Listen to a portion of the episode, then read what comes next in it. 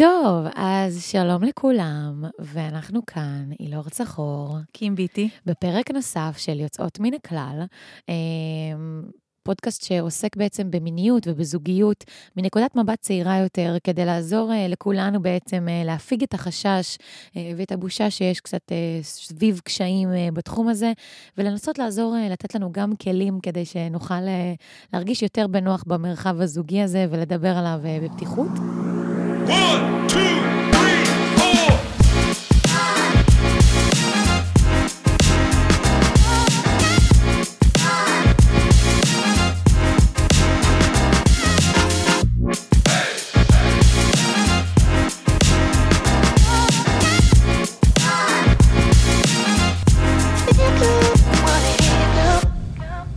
נמצאת איתנו כאן אורחת אה, מהממת במיוחד, אה, שאתם אה, מכירים ממסך הטלוויזיה שלכם, ונראה לי בטח נמאס לך שכולם מציגים אותך ככה, אה, אבל נמצאת איתנו כאן דוקטור ליאת יקיר, אה, שהיא ביולוגית, מתמחה בתחום הגנטיקה, אה, חוקרת את הביולוגיה של הרגשות, ואתם מכירים אותה בעצם כאחת המומחיות אה, של חתונמי לשעבר, אה, או כמו שאני זוכרת אותך תמיד, והדבר הזה הלך איתי, זה זאתי שהכניסה את האלמנט של הריח.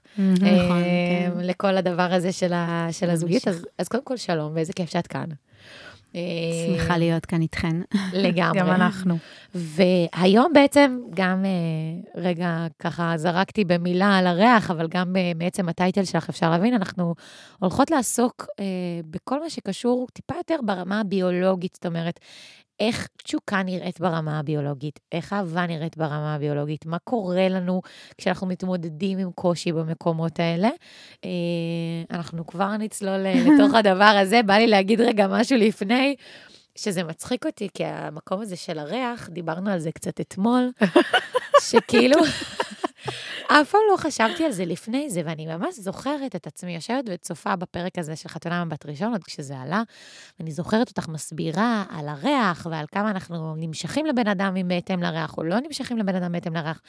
ואני לא אציין את אה, שמו של הבן אדם, אה, אנחנו מכירות אותו שתינו, ובאותה תקופה כאילו היה חבר, אפילו לא בן זוג או משהו כזה. ואני זוכרת שכאילו כשאמרת לי את זה, פתאום, אמרת את זה בטלוויזיה, פתאום נפל לי אסימון. כי הריח של הבן אדם הזה ספציפית, עשה לי רע. כאילו, ממש, אני כאילו זוכרת את עצמי, מחבקת את הבן אדם הזה בתור חבר, היי, מה קורה, מה נשמע? כשהייתי רואה אותו, וכאילו, היה עובר לי ממש איזה מין אה, רעד כזה. את יכולה להגיד גועל, את יכולה להגיד. גועל, לא נעים לי להגיד גועל. לא, לא תחושה נעימה, באמת לא תחושה נעימה. ו... ועכשיו אני יושבת מולך, וכאילו בא לי לשאול אותך, כאילו, מה... זה עד כדי כך, זאת אומרת, הביולוגיה שלנו בגוף בעצם קובעת עם מי אנחנו נהיה ועם מי אנחנו לא נהיה? אמרת את זה יפה. טוב, ביולוגים רואים את העולם דרך המשקפיים האלה, אז כמובן שאני מאוד מתחברת למשפט שאמרת, אבל אה, כן, אני אה, אתן לכם דוגמה, אוקיי? נתון. אה, יש לנו שלושה קולטנים במוח לאור. קולטים, תראו, זה עולם יפה ונהדר, בסך הכל עם שלושה סוגים של קולטנים, סוגים של קולטנים, לאור, ויש לנו לקולטנים לריח 400 סוגים. וואו. וואו. 400. אז תחשבו איזה עולם שלם אה, בתודעה בעצם נוצר, ממש אה, עולם, תפיסת עולם, תמונת עולם, דרך ריח שאת. בכלל לא מודעת אליו. לא מודעת. ויוצר תחושות, כמו שאמרת, זה מיד יוצר לנו תחושות. אז זה ממש, אה, אה, זה כל כך, אה, בעיניי כל כך מרתק, כי זה פשוט מתחת לרדאר של ההכרה, אנחנו לא, לא מודעים לזה, לא יודעים לתת לזה בכלל שמות של מה, אנחנו פשוט מריחים ואנחנו פשוט קורה לנו משהו. האמת אנחנו... שזה מעניין, כי יש ביטוי, הרי אנחנו אומרים, משהו מריח לי לא טוב. נכון. למה, למה מכל החושים דווקא משתמשים נכון, בביטוי יפה. של המריח? כי אני, אני בעצם חשה שמשהו לא עובד לי, אבל אני לא, אני לא אומרת שאני מרגישה שמשהו לא עובד לי, אני אומרת משהו מריח לי לא טוב. משהו כאילו. מר... יפה, נכון, כי זה גם uh, בעצם, אז 400 הקולטנים האלה של ריח מייצרים לנו תמונה מסוימת, שהיא בעצם מפעילה את, ה, את העולם הרגשי שלנו. Uh, וכשאנחנו מדברים בייחוד על ריח, אה, בעצם המידע הזה מיד מגיע למוח המעיים שלנו. צינור העיכול שלנו הוא בעצם המוח הראשון שלנו. כולנו התחלנו... מוח המעיים, אוקיי, תסבירי. כן, מה זה אומר מוח המעיים? כזה, רגע, מה מוח מעיים, אוקיי. אה, האיבר הראשון שאפשר לראות אותו בעובר בעצם, זאת אומרת שמזיגוטה אנחנו מתחילים, ביצית וזרע, זה קבוצות של תאים, קבוצות של תאים. הדבר הראשון שמתחיל להיווצר, שאפשר, יש לו מבנה, זה פי טבעת. כאילו, משם התחלנו. לא מוח וואו. ולא שום דבר, אלא צינור עיכול, זה ההתחלה. מוח זה כל כך מאוחר יותר מבחינה התפתחותית. אז, ומוח המעיים בעצם, אה, הוא גם אה, מאוד מאוד קדום, מאוד אבולוציוני, זאת אומרת, מבחינת הזמן אה, התפתחות. 500 אה, מיליון נוירונים מעצבבים את המעיים. וואו. זה המון. אה, זה כמו מוח של תמנון מבחינה הזאת. וואו. זו חיה מאוד חכמה, תמנון, שחווה את העולם, אז גם המוח מעיים שלנו בעצם סוג של חווה את העולם. ויש אוטוסטרדה שעוברת בינו לבין המוח המרכזי, והוא משדר תחושות בטן. תחושות שמאופיינות גם בתחושות של, אה, אנחנו, נכון שאנחנו נדחים ממשהו, אפילו משהו שהוא בעינינו לא מוסרי, אנחנו מרגישים גועל. נכון. איך אנחנו מרגישים גועל? בחילה, ממש בחילה. נכון. Uh, זה פשוט יושב על אותו, אותו אזור, זאת אומרת, לא היה אזור חדש של מוסריות, זה התיישב על אזור הגועל בעצם, שאלה תחושות מאוד בסיסיות שמניעות כל בעל חיים, שהוא מתרחק ממשהו שלא טוב להישרדות שלו, והוא נמשך למשהו שטוב להישרדות שלו. אז בעצם הריח מאפשר לנו... אה, לזהות. במידה פחותה מבעלי חיים אחרים, כי איבדנו איזשהו איבר הערכה מאוד uh, רציני שאמור היה להיות במערות האף שלנו, שקיים אצל כל שאר המכרסמים והיונקים. מה זאת אומרת, בהתפתחות האבולוציונית שלנו בעצם היה התנוון. אמור להיות לנו שם עוד איזשהו... לא, לא אמור, זאת אומרת, יש אותו ליונקים, כן, והוא התנוון אצלנו. Okay. אוקיי. Uh, הראייה הפכה להיות יותר, הוויזואליות חוש. היא, חוש מאוד, uh, 90% מהמידע נכנס אלינו דרך העיניים, אבל אנחנו יותר ויותר מבינים היום כמה הריח עדיין משחק משמעות, בייחוד בנושאים של מיניות ואהבה. כי שם, למתכנת הגדול שבנה אותנו, שזה הגנים שלנו, יש את האינטרס הכי גדול לקבוע מה קורה. אז עם כל הכבוד ללשבת ביחד ולצחקק, או לקרוא ספרים, או לנגן מוזיקה, כשזה מגיע כבר לאיזה גנים מערבבים עם איזה גנים, אז הם יחליטו והם יקבעו. אה, וחלק מזה זה הנושא של משיכה לריח. בעצם הריח שלנו מורכב מהרבה מאוד מולקולות נדיפות, שבעצם מרכיבות את התעודת זהות הריחנית שלנו. אה, זה גם, אה, זה גם תוצרי הפרשה של פעילות של חיידקים בעור וגם במערכת העיכול, אנחנו מריחים את זה מהפה, אנחנו מריחים את זה. אז הריח של האדם אה, בעצם הוא סיגנל למצב הבריאותי שלו, המצב הגופני שלו, שלה. אנחנו מזהים הרבה מאוד מידע דרך ריח, נתנו לאנשים, נשים, נשים עושות סלקציה יותר חזקה. על בסיס ריח. על בסיס ריח, בכלל, אנחנו... אנחנו עושות סלקציה יותר חזקה לגבי הכל. אבל גם בריח, יחסית לגברים. זאת אומרת, אה, אמ, ומה שגילו במחקר שעליו התבסס מבחן החולצות והערכה, זה שנשים נמשכות לריח של גברים, אה, יותר לריח של גברים שרחוקים מהם גנטית. Okay. אה, אוקיי. במערכת החיסונית. ויש לזה היגיון אבולוציוני, את רוצה כמה שיותר גיוון, וזה בעצם מנגנון למניעת גילוי עריות. נקבות בטבע נגאלות, במרכאות, מהקרובי משפחה שלהם.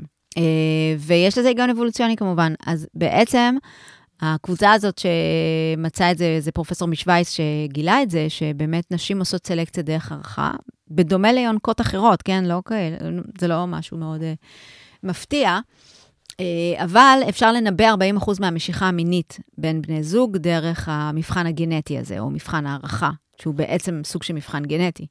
אז אפשר גם לבדוק ישירות הגנים היום, דרך בדיקת DNA, שזה גם עשינו. כן, נכון. בתוכנית.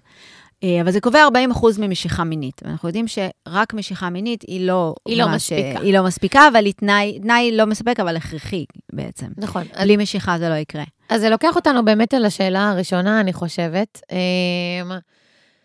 אנחנו מאוד חשוב לנו להביא כאן איזושהי נקודת מבט שהיא צעירה. נכון. אה, זאת אומרת, כי אנחנו באמת מרגישות, ומפרק לפרק אני מבינה את זה יותר ויותר, כמה לא נותנים, לא מדברים מספיק על הקשיים שאנשים פוגשים גם אחרי חצי שנה של מערכת יחסים זוגית, ולא נכון. רק אחרי 15 שנים של אה, נישואים וילדים. ו... שלא נדבר על מציאת בן זוג. בדיוק, שלא נדבר על, בוא נגיד, בדיוק, בוא, אני יוצאת בנקודת ההנחה שכבר אני נמצאת בזוגיות חצי שנה, אבל יכול להיות שבכלל אני לא מצליחה למצוא את הזוגיות הזאת. זו תקופה מאוד קריטית, תחילת היחסים, מאוד מאוד קריטית, כי בדיוק. קל אז... יותר לפרק. נכון, קל יותר לברוח, ובטח היום בעידן הטינדר, ושהשנה המון אופציות, וקל לנו לבחור, ו- וכל הדבר הזה. אבל אני רוצה להיכנס יותר לרמה התחושתית ושל החשק. זאת אומרת, האם בכלל, אני הולכת לשאול שאלה, ואולי אני בכלל אומרת משהו שהוא לא נכון, ושלא חלילה ייעלבו ממני אנשים אה, מבוגרים יותר שאולי אה, שומעים אותנו. אבל האם יש הבדל ברמה הביולוגית בין הדרך שבה אנחנו חווים תשוקה, בגילאים אה, שלנו בעצם. כן, לבין איך שזה נראה לאורך השנים, זאת אומרת, לבין איך שאנחנו נחווה תשוקה בגיל 45. אה, שאלה מצוינת. ההבדל הוא יותר גדול בין בני אדם מאשר בגילאים. אוקיי. אה, אה, חוויה של תשוקה, חוויה בכלל של מיניות, היא תלויה בהרבה מאוד גורמים. אה, בעיקר תפיסות עולם של האדם עם עצמו, וגם מידת האמון והפתיחות והיכולת באמת אה, לבטא את המיניות שלנו. מבחינת הורמוני המין, ברור- שיש יש שינויים עם השנים. אה, ובעצם השיא של הפרשת ההורמונים שלנו, כמובן, זה כאילו גיל, מגיל ההתבגרות וגיל המעבר, יש לנו בעצם את הירידה בכמות האסטרוגן לנשים. גם אצל גברים יש גיל מעבר, מגיל 55, ירידה דרסטית ל-20% ברמת הטסטוסטרון. למרות שכאילו, סליחה שאני קוטעת אותך, יש איזושהי, אני לא יודעת אם, אה, אם, אם אני מגזימה רגע, אבל יש איזושהי תפיסה שכאילו אומרת שדווקא בגיל 40, פתאום נשים מגלות את המיניות שלהם כן. כמו שהם מעולם לא גילו את המיניות בכלל. 40 זה לא גיל המעבר. אני חושבת שזה... אוקיי, זה תלוי. זהו, אני, סליחה, אני עוד לא... נראה לי. שזה הרבה נובע, אבל כאילו, זה יותר מאוחר. סתם הנחה, כן. כאילו, ש, שאולי נשים בגיל הזה יותר מחוברות לעצמן ופחות אה, מתנצלות על מי שהן, וכאילו. זה באופן אוטומטי נורא מחבר ומקרקע כזה. אז זהו, אז בדיוק. אז יש את הלייר של ההורמוני מין, שעושים את העבודה שלהם, והדחף המיני שלנו מושפע מהורמוני המין, ואנחנו כנשים מאוד מושפעות מההורמונים האלה, ונשים אה, מאוננות יותר, בוגדות יותר, מיניות יותר בתקופת הביוץ, מוכח בכל צורה, יפות יותר גם, כאילו מבחינת המראה של הפנים, כי אסטרוגן עושה לפנים מראה, מחיה. מחיה את הפנים, ובזמן המחזור, זו עצה טובה, לא לצאת לדייט בווסת. אה, זה פשוט מוריד אותנו קצת, אה, גם, ברח, גם ברמה הרגשית. יש יותר סיכוי שאני אתאהב בבן אדם בביוץ, מאשר אני אתאהב בו ב, בתקופת הווסת, ויש נשים שגם חוות את זה אחרת, את התקופה הזאת. אה, אז אנחנו מאוד מושפעות מגלי ההורמונים, גם בלידה ובהריונות. אחת הסיבות שנשים, זה לא יודעת אם בדיוק אחרי גיל 40, אבל אחרי שהן משתחררות מכבלי הילדים, במרכאות, שוב, זה כבלים ביולוגיים מבחינתי, שהמוח משתנה ויואו, הכל למען הילדים, אז זה קצת נרגע כשהם מתחילים אה, להיות עצמאים יותר והכול, ואז היא בעצם חווה מחדש את המיניות שלה. זה קיים גם בטבע, זאת אומרת, אה, ברגע שהגוזל עוזב את הקן, או אצל יונקים היונק, אז אה, באמת רואים מיד את הנקבה, מיד, וואו, מי הזכר האלפא התורן? כאילו, יאללה, בוא, בוא נעשה... מיד עולה שוב, אז אה, כן, ילדים מורידים דחף מיני, גורמים להפרשה של פרולקטין, שזה ההורמון של ה caring, של הדאגה, של העזרה, פרולקטוז. אה, שזה מפחיד לשמוע את זה. מאוד. כן, אבל אם מבינים את זה, אז יודעים מה לעשות עם זה, אוקיי? זאת אומרת, כי אנחנו מצפות מעצמנו כל הזמן להיות superwoman. והלידה לא משפיעה עליי, וילדים, אז מה, זה לא משפיע עליי, ואז אנחנו רוצות להיות הכל. זאת אומרת, להמשיך להיות מיניות, ולהמשיך להיות uh, בקריירה ככה פול טיים, וגם להיות האימהות המושלמות שמכינות את העוגות הכי טובות לילדים ב- ביום הולדת, ופעילות, ונשים מרגישות 70 אחוז יותר, uh, uh, זאת אומרת, 70 אחוז מהזמן מרגישות רגשות אשמה, זה פי שתיים מגברים. אה, שוב, אני חושבת שאין לי שום דבר חלילה, זאת אומרת, המוח הגברי, בעיניי, זה רק מודל הערצה. זאת אומרת, היכולת לווסת. אה, לפעמים אנחנו קצת פחות מווסתות, ואז אנחנו מרגישות נורא אשמות מהכל. ואז יש לי ציפייה מעצמי, אחרי לידה והריונות, נגיד, אה, להיות אה, סופר מינית. לחזור לעניינים. ו- בואו, כן, בואו רגע, שנייה, בואו נבין איך עובדת מיניות האישה, כן. שהיא שונה קצת ממיניות הגבר, והמוח הנשי והמוח הגברי. אבל בואו נחזור לגיל הצעיר. אז על פניו, על פניו, זו תקופה הורמונלית מאוד אה, פורה, זאת אומרת, פורות פרויה, אנחנו מלאות אסטרוגן, אה, גם אה, קצת יותר מבינות את העולם, קצת יותר מרגישות אה, בטוחות בעצמנו, אז חוץ מהלייר של אין הורמוני המין... לנו עדיין ילדים שיורידו את האפקט הזה. על כן. פניו. כן, על פניו, במרכאות. עוד, אה, זה, החלק הזה עוד לא הגיע, אה, אנחנו נורא רוצות את זה, אבל החלק הזה עוד לא, עוד לא הגיע, או יש כאלה שגם לא רוצות את זה, זה בסדר גמור. אז יש את הלייר של ההורמונים, ואז יש את הלייר של התפיסות החברתיות. איזה בית גדלנו, מה החברה שלי אומרת לגבי מין. אה, אישה לא אמורה להיות מינית, או כן אמורה להיות מינית, או אישה צריכה להגיד לגבר איך, איך, מה עושה לה טוב, או לא אמורה להגיד לו, הוא צריך לנחש. צריך לתת לו לדעת, או אם תגידי לו, אז יפגע באגו הגברי שלו. אה, היא יכולה לשחק עם צעצועים, היא לא יכולה לשחק עם כאילו, מה, איך היא בעצם איך היא מבטאה. תופסת את, ה, את העולם הזה מבחינתה? בדיוק, אה, היא רוצה מגע, היא רוצה לרצות, נשים מרצות פי חמש מגברים, נקודה. וואו, אה, זה נתון... אה, מעניין. מגיל שנה וחצי לוקחים פעוטה ופעוט עם אימא ואבא, לא משנה אימא או אבא, לביקור אצל מרפאה בעיסוק, לא חשוב, אדם זר שמטפלת בדרך כלל שהיא אמורה רגע לשחק איתה, להיות איתה. וסופרים, האימא פה יושבת בצד, או האבא, ומסתכלים כמה פעמים הבן או הבת מסתכלים על ההורה כדי לקבל אישור. אישור ש... הכל בסדר, הכל בסדר, אני בסדר, בסדר, את בסדר, אני בסדר, את את פה, את פה, המבט הזה. את- כן. של, אה, אנחנו מבינים למה זה, מה הכוונה. נכון. אה, הבת מסתכלת פי חמש מהבן. וואו. בגיל שנה וחצי, זה עוד לפני כל התפיסות החברתיות שהעמסנו להם על המוח. יש הבדלים, זה, זה אסטרוגן, הוא יותר... אה, זה מטורף בעיניי לשמוע עד כמה עמוק ברמה הביולוגית שלנו, מושרש לנו בתוך הגוף. נכון. המקום הזה שבו לא רק, כאילו, גם ה... ה... גם את אומרת כאילו על לרצות, אבל זה גם, אני כאילו, אולי אני עושה השלכה שהיא לא נכונה, אבל איזושהי תלות. זאת אומרת, תלות ב- אישור. כן. תלויה באישור בדיוק, של אני ההורה. תלויה באישור החיצוני, כן, שאומר לי שאני בסדר. בדיוק. שאני מיושרת, שאני אחלה, שאני לעניין, או לא יודעת מה. ואני אומרת, וואו, אם זה מגיל שנה וחצי, תמוה בי, זה כנראה תמוה בי עוד הרבה יותר מוקדם. איזה ספק, אולי, אני לא אולי יודעת. בעובר, אני אולי, לא... כן, אולי אפילו זה חודר אליי ככה בצורה הביולוגית הגנית דרך אימא שלי כבר לתוך ההיריון שלי, כאילו, ואז, אז אני אומרת, איזה, איזה סיכוי זה יש יפה לי אחר כך. שאמרת את זה, כי זה באמת קורה. זאת אומרת, המצב הרגשי וההורמונלי שלהם משפיע על על העובר, העובר. בהחלט. זה נקרא אפיגנטיקה, השפעות אפיגנטיות, זה מטורף לגמרי, לגמרי, לגמרי. ואז אני אומרת, איזה סיכוי יש לי להגיע אחר כך לתוך מערכת יחסים זוגית, ולא להיות ולהיות תלותית. במקום נכון. שהוא לא מרצה, שהוא לא תלוי, שהוא מאוד מחובר לעצמו, שהוא יודע בדיוק מה הוא רוצה, שהוא עומד על שלו, מחובר למשיכה המינית, יודע מתי זה בסדר ומתי זה לא בסדר. כאילו זה, וואו, זה, זה טיק טיק. אז זהו, אז אני אומרת, על, ה, על ה layer של הביולוגיה אנחנו גם מוסיפים layers של חינוך ותרבות. זאת אומרת, אם היצור הוא מלכתחילה יותר מרצה, אז הסביבה תגרום לו גם לרצות. זאת אומרת, יצפו ממך ליותר, ויפילו עלייך יותר, כי את האחראית, ואת המסודרת, ואת זאת ששואלת, "אה, אמא צריכה עזרה, או אבא אתה צריך עזרה? עוד פעם, זה נורא מכליל והכול, ויש גם בנים שעוזרים והכול, אבל ובנות עדיין... שלא עוזרות גם. כן. אבל- יש לי אחת כזאת, ואני מקווה שהיא לא שומעת. תלוי איזה לא, מיקום היא אתה גם במשפחה, זה גם משפיע. נכון, זה גם משפיע, אבל בוא נגיד שאם אני באה לעולם עם איזו נטייה לבקש אישור, אז הם, זאת אומרת, זה חוזה חברתי שאני יוצרת עם הבן זוג שלי, עם הכל, ואנחנו פשוט חיים לפי החוזה. זה לא שהגבר אומר, או, כן, אני גורם לה אישור." לרצות אותי. לא, היא עושה את זה, היא מראה לי מתנהלת שזה, ככה. היא מתנהלת ככה, אז אני מתנהל ככה, אני מבין שזה עושה לה טוב. והיא מבינה שזה עושה לי טוב, ואז פתאום אחרי איזה כמה זמן, אני אומרת, רגע, למה אני תמיד במצב הזה? בואו נשנה את החוזה. ואז בדרך כלל מתחילים לריב והכול, אבל רגע, אבל זה מה, ש... זה מה, מה ש... שסוכם. זה מה שסוכם ללא מילים, בעצם, דרך, uh, מצא... בעצם דרך ההתנהגות.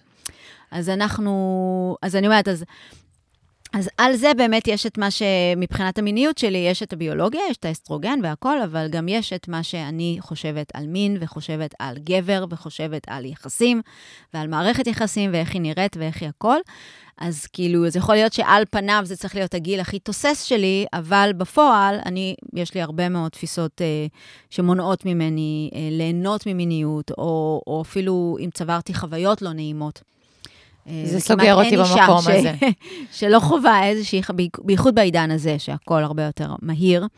ואנחנו שוב מרצות ולא אומרות, אני אומרת, טוב, יאללה, שיגמר הסיפור הזה, ומחר אני לא אראה אותו יותר, אבל המוח צרב פה חוויה, לא חוויה נעימה לא נעימה. שמקושרת למין.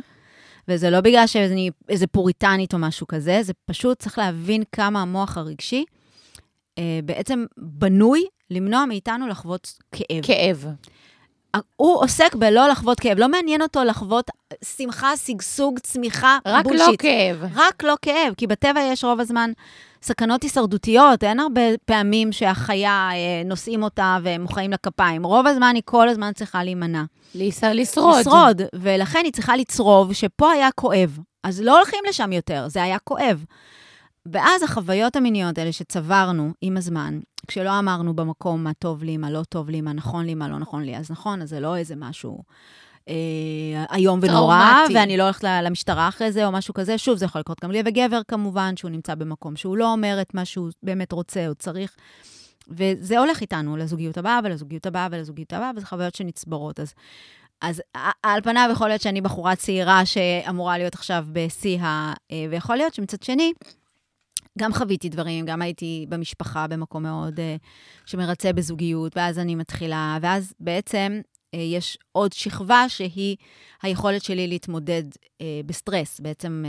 ה- אז אני ה- רגע, אני רוצה שנייה כן. לחזור רגע שנייה לאיזה שני דברים שאמרת, כי זה תפס אותי מאוד. אני אומרת, אוקיי, אז ה, ה, אני מבינה שהגוף שלי ברמה הפיזית מכוות לזה, שכמו שאת אומרת, זה לא, זה לא, זה לא, זה לא, זה לא. עכשיו, זה באופן טבעי קורה לנו מתוך איזה שהן חוויות לא נעימות, או פגיעות שחווינו בנקודות האלה, ואני אומרת, אוקיי, זה טבעי, אני לא יכולה... מה שנקרא, אני לא יכולה למנוע את הדבר הזה לחלוטין. זה יקרה לי באופן טבעי בחיים. מה שאני רוצה אולי ממקום אחראי ומודע יותר היום לעשות, זה להסתכל על הנקודות האלה שבהן אני חוששת אולי קצת לגשת, ואיך אני משחררת את זה. איך אני כאילו אומרת לעצמי, אוקיי, הבנתי שפה כואב לי, אני, לנב... או בכלל, קודם כל, איך בכלל להבין שפה כואב לי, אבל נגיד את זה כבר אני מבינה.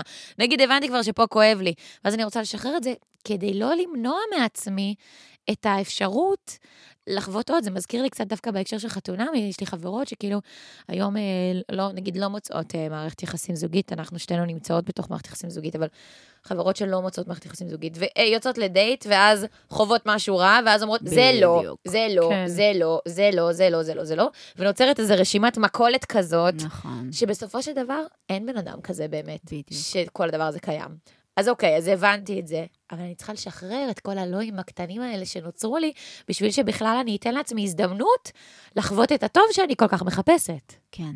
את ממש צודקת, זאת אומרת, ה- בגלל זה אני אומרת, זה כאילו העולם הדיגיטלי אפשר לנו, פשוט אם פעם, כמו בעולם הצרכני, אם פעם היה גבינה אחת, אז היום יש 7,000 גבינות. עכשיו, זה נורא מבלבל, דבר ראשון. דבר שני, תחשבו שאני מתלהבת מהשפע הזה של הגבינות, ואוכלת את זה, ואוי, זה לא טעים. זה בכלל לא הטעם שגדלתי עליו, זה ממש אה, זה.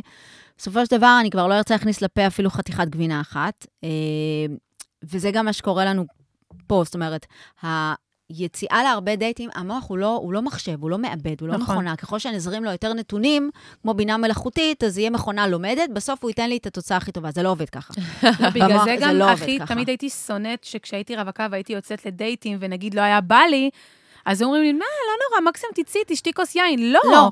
ממש יפה. לא, כי אני יוצאת, ואני באה עם ציפייה מסוימת, ואני באה עם לב פתוח ככל הניתן, ואז זה שוב פעם לא קורה, אז למה נכון. שאני ארצה לחזור על החוויה הזאת עוד פעם? כן, נכון. כי זה קביעה, אז אתה לא רוצה להתקרב, כמו שאת אומרת, אתה מבין שזה לא נעים לי, אז אתה לא רוצה לחזור לשם.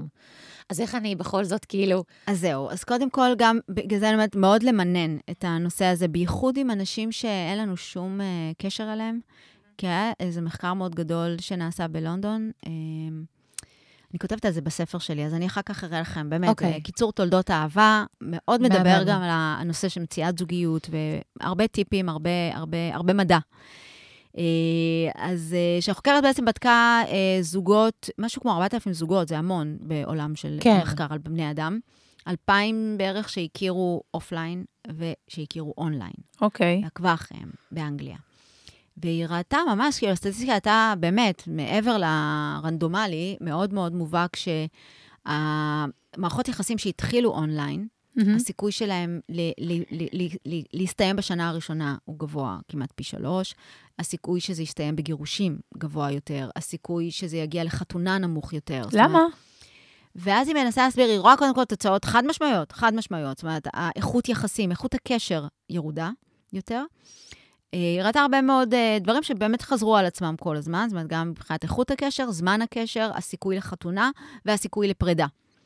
ההסבר שלה היה, אה, פול ארדיטי, דוקטור פול ארדיטי, ההסבר שלה היה שהמוח שלנו לא בנוי ל on, ל online, בעצם הוא חי יחסים חברתיים בקהילה. ואנחנו מכירים אנשים דרך אנשים שמכירים אנשים שהכירו אנשים. הדבר הראשון שאנחנו עושים כשאנחנו פוגשים בן אדם, אנחנו מנסים למצוא את המשהו המקשר. אפילו נכון. אם זה מקום שגרנו בו. פיצוחים. פעם אחת. פיצוחים, אנחנו בול. משחקים פיצוחים, ככה קוראים לזה היום. לא פיצוחים. אחי, בדרום מאיפה אמריקה. אתה? אה, טיילת עם ההוא, היית עם הזה, רגע, אתה גר שם, אתה מכיר את זה, ישר את החיבור. רוצים להרגיש שייך, שייכות כן, קצת. שייכות. אנחנו חיים במעגלי שייכות. ואנחנו מחפשים איזה משהו שיחבר אותנו. ככל שהמעגל יותר קרוב, אה, נגיד חבר של חבר, חבר של קל. קולגה. יותר קל, יהיה, כי אנחנו יצור קהילתי. בסוף אנחנו לא לגמרי יצור זוגי, אנחנו יותר יצור קהילתי שיוצר זוגיות בתוך בשביל- קהילה. בתוך קהילה, בשביל להביא ילדים. זאת אומרת, כן. צריך את הזכר נקבה בשביל הילדים, כי אם נסתכל, ואני אתן לכם נתון שמטורף בעיניי, כאילו, ש... ש... זאת אומרת, המונוגמיה היא טיטניק שטובעת. אה, באנגליה נולדו השנה יותר ילדים לאימהות יחידניות מאשר לאימהות נשואות. מה? תרומת זרע. זהו. לא מאמינה. גברים הופכים להיות. וואו. סליחה.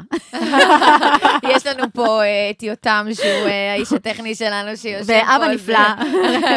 נכון, אז זה- זה- זה- היא מתנצלת אה, בפניו, כאן אתם לא רואים את זה. שהוא לא ב- לא גבר מבחנה. לא גבר מבחנה. אבל וואו, זה- זה נתון זה נתון. קשה. אני גם ראיתי באיזשהו מחקר, שבעצם בגלל שנשים הופכות להיות עם השנים יותר ויותר אה, אה, עצמאיות ובפני עצמם, אז יותר ויותר גברים נהיים רווקים.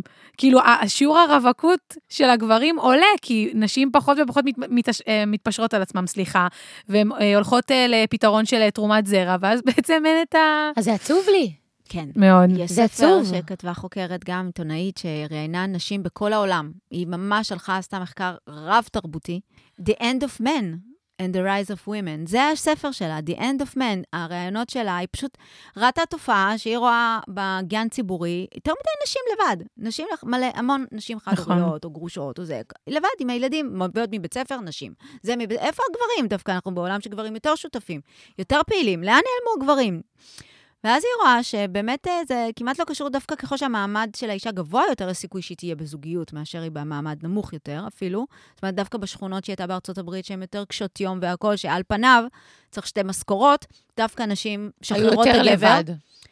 כן, יותר לבד. אה, הגברים סוב- סובלים לפעמים מהתמכרויות או כל מיני דברים, הן משחררות אותם, וכאילו חיות במשפחה מטריארכלית כזאת, שאימא עוזרת לה לגדל, והסבתא של, שאפילו הסבתא מגדלת הנינה, זאת אומרת, עוזרת לה, כאילו חברה פילית מטריארכלית, כמו בפילים, ככה הן. חיות, הפילות. ואז היא נוסעת לסין, והיא מראיינת שם אה, נשים שאומרות, יש אישה אחת שהיא כתבה עליה, שהיא אומרת לה, הרגשתי שאני עושה לה, לבעלי ראיון עבודה, ושימוע לפני פיטורים, ככה היא קראה לה. היא הייתה מצליחה ומנהלת, ורק רוצה גבוה, והיא הרגישה שהוא לא עומד, לא עומד אתה בה. לא, אתה לא נותן לי תוצאות כאן, תפוקות כאן, כן, ושלום היא הרגישה שזה שימוע לפני פיטורים, ואז הם. התגרשו, והיא מדברת על אסיה. אסיה, מדינה הייתה מאוד פטריאר, כאילו, אזור מאוד פטריארכלי, כאילו, זה גברים שולטים. אני יכולה להבין, אבל כאילו, סתם, אני... מטורף. אני רגע עושה איזושהי השלכה של כל הדבר המאוד גדול הזה, ואני לוקחת את זה שנייה אליי ומחברת את זה רגע בצורה יותר ליום-יום שלנו, ואני אומרת, וואלה, אני כאילו מבינה.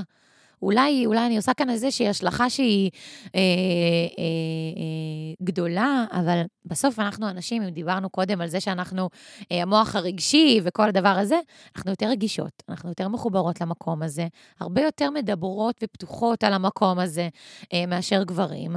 ובאמת, זה לא, זאת אומרת, גם אני בתוך הזוגיות שלי, כשאנחנו חווים איזשהו שינוי, רוב השינויים שעברנו בתוך המערכת יחסים שלנו ועוברים בימים אלה ממש, זה, באיזושהי הובלה שלי. זאת אומרת, זה אני באתי ואמרתי, רגע, רגע, זה לא עובד לי, אני רוצה בוא את זה נדבר אחרת. על זה, בוא נעשה את זה, ובוא נעשה את זה, ואז אני היום כאילו שמחה להגיד שהבן זוג שלי הרבה יותר פתוח והרבה יותר משתף אה, במקום הזה, ובשלב מסוים הוא אמר לי שהוא כל הזמן מרגיש במבחן.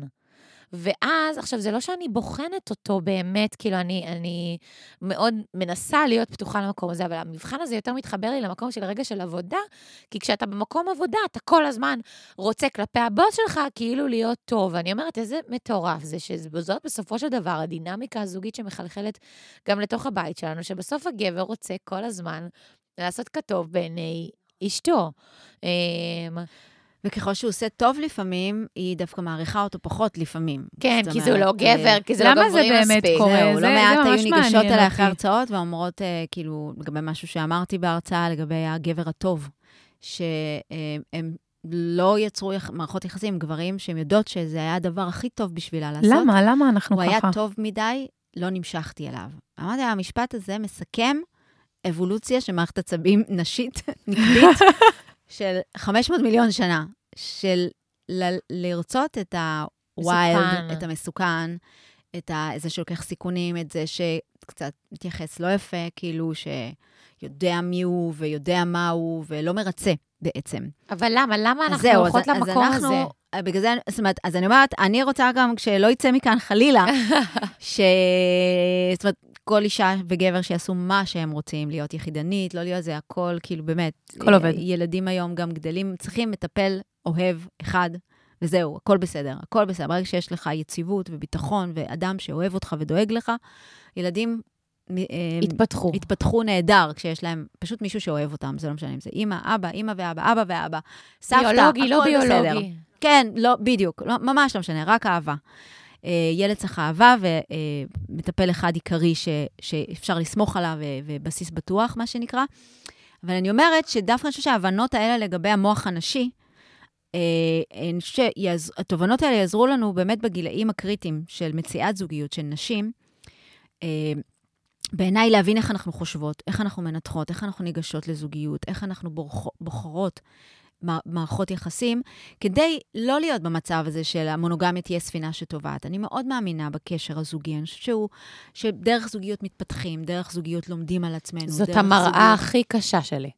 הכי קל לעשות לבד, הכי קל לגדל נכון. לבד. אני גם אם חד-הורית עם שני ילדים, זה, זה הכי קל, אף, לא צריך להתייעץ עם אף אחד, לא צריך להתווכח עם אף אחד. הכל אני, הכל בדרך שלי, הכל בצורה שלי, אני גם כזאת מובילה, מתקתקת. מה, אז רגע, אחד מה, לא מתערב איך אתה לך. עוזר לי, כאילו? כן. זה היה כזה, מה, מה אתה עוזר לי בדיוק? ואני דווקא חושבת שאני, זה לא נכון.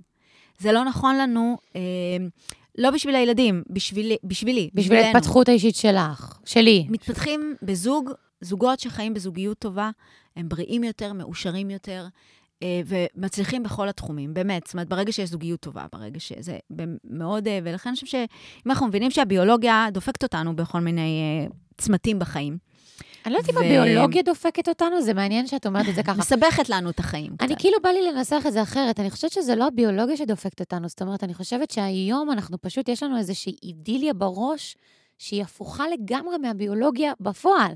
זאת אומרת, הביולוגיה זאת המציאות שלנו, זה מה שקורה לנו בגוף באופן בלתי מודע. וכל התפיסות החברתיות האלה, והציור המושלם הזה, והזוגיות האידיאלית הזאת, והמיניות שפורצת מתוכי בלי סוף, בכל שעות היממה, מתי שרק בא לי, כמו איזה כפתור, זה, זה הבעיה. זה, אז אני אומרת, זאת אומרת, הביולוגיה היא זאת שמאחורי זה. זאת אומרת, למה נגיד אני רוצה את ה-bad guy ולא את ה-good guy? זה קשור ביולוגי. אבל? בטח. אבל- טסטוסטרון, אנחנו... אחת התעלומות של האבולוציה זה מדוע נוצרו זכרים מלכתחילה. שימו בצד, זה פודקאסט נפרד, עזבו את זה. אוקיי. זו שאלה של האבולוציה. פרק נפרד, זכרים מבוגרים בעולם? זכרים, לא, באמת, זו הייתה שאלה, באמת, למה רבייה על-מינית לא הדבר שפרץ, וגם חלזונות ורכיחות, יש להם גם וגם, הרמפרודיטים, לא חייבים לאבד רחם. למה לאבד רחם? חצי מהאוכלוסייה לא מתרבה, זה נורא בזבוז. אבל, שימו בצד, בסופו של דבר, ההבנה היא ש... אה, יש פה יתרון אבולוציוני, אחרת זה לא היה מתפתח, ו... והאסטרטגיה היציבה בכל עולם החי זה פוליגמיה. מה זה פוליגמיה? הזכרים ערבים, פוליגניה זה נקרא, לא משנה. הזכרים ערבים, והמנצח לוקח הכל. החזק ביותר לוקח את האישה. הנקבות רוצות, לא, הוא לא לוקח אותה, היא הולכת אליו. הבנתי. הנקבות אה. רוצות את האלפא. ברגע שהוא מתחיל להפסיד בקרבות, ברגע שהיופי שלו יורד, והיופי יורד, או סימני ההצלחה שלו, אה, כי זה, זה תוצר של טסטוסטרון. ברגע שהטסטוסטרון גבוה, יש לו נוצות, יש לו קישוטים, יש לו קרניים, יש לו שרירים, כאילו, זה הכל טסטוסטרון. ברגע שהוא מתחיל להפסיד, גם היופי שלו אה, דועך, והן הולכות למנצח החדש. אין, אין סנטימנטים. היא רוצה את ה... הכי חזק. את הכי חזק, הכי גדול, הכי יפה, הכי מהיר. צ'יטות וחתוליות. אה, הן לא מבייצות אפילו, אם הן לא רואות תחרות ריצה בין הזכרים. אשכרה. אז- אשכרה. אז אנחנו לא בעצם רוצות בשבי. כאילו את ה- את ה-bad guy, כי אנחנו באיזשהו מנגנון של תחרות מול נשים אחרות שאנחנו בכלל לא... כל הזמן. לא את יודעת מודעות שתעשיית אליו? אני פעם חשבתי, אני מאוד מתעניינת בפרומונים וריח, אתם זוכרות? וכן. אני תמיד הייתי בטוחה שתעשיית הבשמים שמה ב...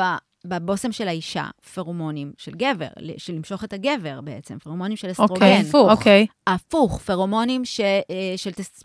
של אישה, כן, כי התחרות שלנו היא מול נשים אחרות. בכלל הגבר לא, לא שם לב לריח הזה, לא מעניין אותו. אשכרה. אנחנו מתחרות אחת בשנייה, הם שמים פרומונים של אישה, לא של גבר בכלל. בתוך כאילו. הבשמים של הגברים אבל- בעצם. כן, כאילו, עדיין כן, קשה בדיוק, לי- בדיוק, בתוך, אה, כן. עדיין קשה לי לתפוס את זה, כי כשאני הייתי רווקה המון שנים, וחשבתי על הזוגיות שאני רוצה שתהיה לי, אז נורא רציתי גבר שהוא טוב ושהוא מסור, ולא כל הבד גייז האלה שכל הזמן הייתי נדפקת מהם וכועסת על עצמי ולא רוצה לצאת שוב לדייטים, ואז כאילו הגיע בחור כזה, וקשה לי, כאילו, מה זה קשה לי להכיל את זה? פתאום, פתאום זה לא הרגשה ש- שציפיתי להרגיש. אבל הנה, זה בדיוק זה. אבל... כשהיית רווקה, רצית את הדבר היציב, החם, הבטוח, האוהב הזה, כי זה אבל כאילו לא מה את האלפא, כאילו. שנמשך אליו. נכון, אבל הנה, עכשיו בתוך, את בתוך, לצורך העניין, זוגיות כזאת, ופתאום אין חשק מיני, וקשה להיות במקום הזה, ואז את רוצה גבר חזק יותר, גבר Mm. מוצלח יותר, גבר טוב יותר, זה נראה לי בדיוק הדבר, כאילו, אני אוקיי. מזדהה, זה בדיוק הדבר אוקיי. הזה. בוא נדבר רגע על חשק מיני. נחזור לזה, כן, נכון. אבל, אה, אבל זה נכון, זאת אומרת, גם אה, אנשים נרקסיסטים באופן כללי, אבל עוד יותר גברים נרקסיסטים, יש להם כוח משיכה מטורף לנשים. בדרך כלל מרעיפים המון אהבה בהתחלה, ומשפריצים אה, אה, כריזמטיות וכוח והצלחה ויכולות, ובטוחים בעצמם מאוד, ו... אה, אין מה לעשות, אני אומרת, ההצצה למוח המיני שלנו זה בעצם הצצה לבלופרינט, לתוכנה עצמה, איך, זה, איך, איך הטבע ברא אותנו, אז כן, גם השימפנזה הייתה עכשיו רודפת אחרי זה שמשפריץ כריזמטיות בסביבה, ולא אחרי ההוא שהכל אחד, בואי תהיי איתי, פליז, תהיי איתי. כן. זה נקרא loop הרווקות האינסופית בעולם הפסיכולוגיה. אה, אני לא שמה אחרי מי שרודף אחריי, ומתלהב, ומראה נילה, וכל הזמן שולח לי הודעות, ורודפת אחרי זה ש... מסנן לא אותי, ועושה. לי ghosting, ומתייחס אליי מגעיל. כן, ו- ולא שם עליי בעצם. כי אם הוא כל הזמן רודף אחריי, סימן שהוא מעמד מתחת, ואנחנו. חיים עדיין ואף במעמדות. אחד לא מתחרה עליו, מה שנקרא. ודווקא, טוב שאמרת את זה, כי זה אחד הדברים שהכי מעוררים תשוקה. לראות את הגבר שלך, שעוד נשים רוצות אותו. כן. אה, זה חלק גם מפנטזיות מיניות של נשים, אה, שהגבר שלך הוא לא רק שלך, ויש, ועכשיו את צריכה להתחרות עליו. זה מדליק את כל העניינים כן. בחזרה. פתאום מרגישה, ברגע לא, מסוכן, את מרגישה שמסוכן לך עכשיו. בדיוק. נכון, אבל- וסכנה מעוררת אדרנלין, בעצם, ואדרנלין הוא החומר שיוצר את התשוקה. וביטחון ויציבות וטוב לב הם אנטי... אה, אירוטיים בעצם, מהבחינה הזאת. שימו לב לכל הפנטזיות וכל הפורנו, וכל... הוא לא עובד על, "מ, בואי נהיה ביחד, אני כל כך אוהב אותך. לא, נכון. זה אלימות, בואי לפה. זה אלימות, זה אבזות, למשל, אם כבר אנחנו בעניין של ביות של אה, חיות, לא מבייצות, אם, הם, אם הזכר לא נושך אותה בצוואר. וואו. הנשיכה שלו, הוא חייב לעלות עליה, למעוך אותה, לנשוך אותה, ואז יוצאת ביצית. אז אני, אני כאילו יושבת, אני, אני יושבת כאן, וזה קורה לי כמעט בכל פרק עד השלב הזה שבו אנחנו עושות איזה כאילו שינוי פאזה, ואני יושבת ואיתך, כאילו, את אפילו ברמה הביולוגית, אני אומרת, אנחנו מכוותים ככה. כן. זה גורם לי להרגיש כאילו קצת חסרת אונים. כי אני כאילו אומרת, אוקיי, הבנתי, הבנתי, אני, את כל הדברים האלה שאת אומרת, אני חיה מרגישה אותם אותם. ביום-יום, זה בדיוק, כאילו, את שמה מילים על התחושות שלי, שזה קודם כל דבר חשוב להיות מודע לדברים האלה. ואז אני אומרת, אוקיי, אז, אז, אז, אז איך, איך פותרים את קודם הדבר כל, הזה? אני חושבת שזה קודם כל מוריד את הבושה, האשמה, התסכול. אני לא מוזרה, אה, זה לא הוא, זה לא אני גם, אותו גורם גם לגברים. זאת אומרת, לאורך זמן יש לנו עוד חיווט מבאס במוח שהורס את ה... אה, אנחנו כאילו בנויים לגיוון, לא בנויים לקשר יציב לאורך זמן. זאת אומרת, מבחינת המוח, זה, אנחנו, מבחינת המדע, בין פוליגמים למונוגמים סדרתיים. אה, או כמו שיש פרופסור שאומר, פרופסור ספולסקי, איש מה שאני מאוד אוהבת, אה, אנחנו כנראה לא מין מונוגמי קלאסי ולא מין פוליגמי קלאסי, אלא מין מבולבל באופן טרגי. זה בדיוק ההגדרה. מאוד. אבל יש לנו אפקט שקיים אצל פוליגמים, שהתשוקה לאותו פרטנר עם הזמן הולכת ויורדת. זה נקרא אפקט קולידג', או אפקט הבגידות, או אפקט הרוויה המינית, כי התשוקה יורדת לאותו פרטנר, אבל היא סבבה לפרטנר חדש. כן. בייחוד אם הוא חזק וגדול ויפה, או וטווסי. יפה. וטווסית גם. גם alpha female יש להם הצלחה מטורפת בקרב גברים. אמ, ובקרב נשים. לגמרי. אה, אבל, אה, אז האפקט הזה, כאילו גילו אותו בעכברים, זאת אומרת, שנותנים לעכבר, אה, וגם עכברה, אבל לעכבר נתחיל, להיות עם אותה נקבה, כל ארבעה ימים מתייחמת, שמים אותו בכלוב, כן. ובעצם הניסוי למדוד לו כמה זמן לוקח לו לפורקן, אז ככל שהוא עם אותה אחת, זה עולה ועולה ועולה ועולה. משהו כמו רבע שעה אחרי בפעם הרביעית, ובפעם השמינית אפילו לא מנסה. ועם וואו. חדשות, כל ארבעה ימים מישהי חדשה, אז הוא נשאר על 2-3 דקות, שזה הזמן הרגיל, הממוצע של עכבר, וממשיך עד אפיסת כוחות ומוות כל עוד מביאים לו נקבות. וואו. אז על זה תעשיית הפורנו בנויה בעצם, על כמה שיותר קבצים, תמונות, זה מה שקידם את מדעי המחשב, בעצם הצורך בכל כך הרבה גירוי, כי המוח מאבד עניין ב- מאוד מהר. מאוד מהר. אז צריך לה... המון המון המון המון המון המון מידע וחידוש, חידוש. עניין בתשוקה זה חידוש, זה נובלטי.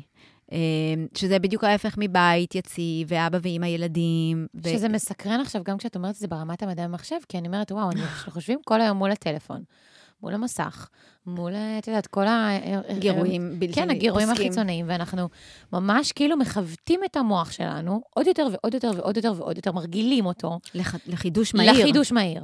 והדבר הזה לא יכול נכון. לקרות בתוך מערכת יחסים זוגית, לא משנה איזה מערכת יחסים זוגית זאת תהיה. ואז אפילו באופן בלתי מודע, המוח שלנו כנראה ברמה הביולוגית, כאילו אומר, טוב, מה, זה לא, זהו, זה, זה לא רלוונטי, זה לא עובד לי יותר. אה, הוא, בדיוק. הוא לא יודע לעשות כבר את ההבדל בין הריגוש של הטלוויזיה וה, והאינסטגרם, לבין זה שעכשיו אני בתוך החדר המיטות, והדברים שם עובדים קצת אחרת.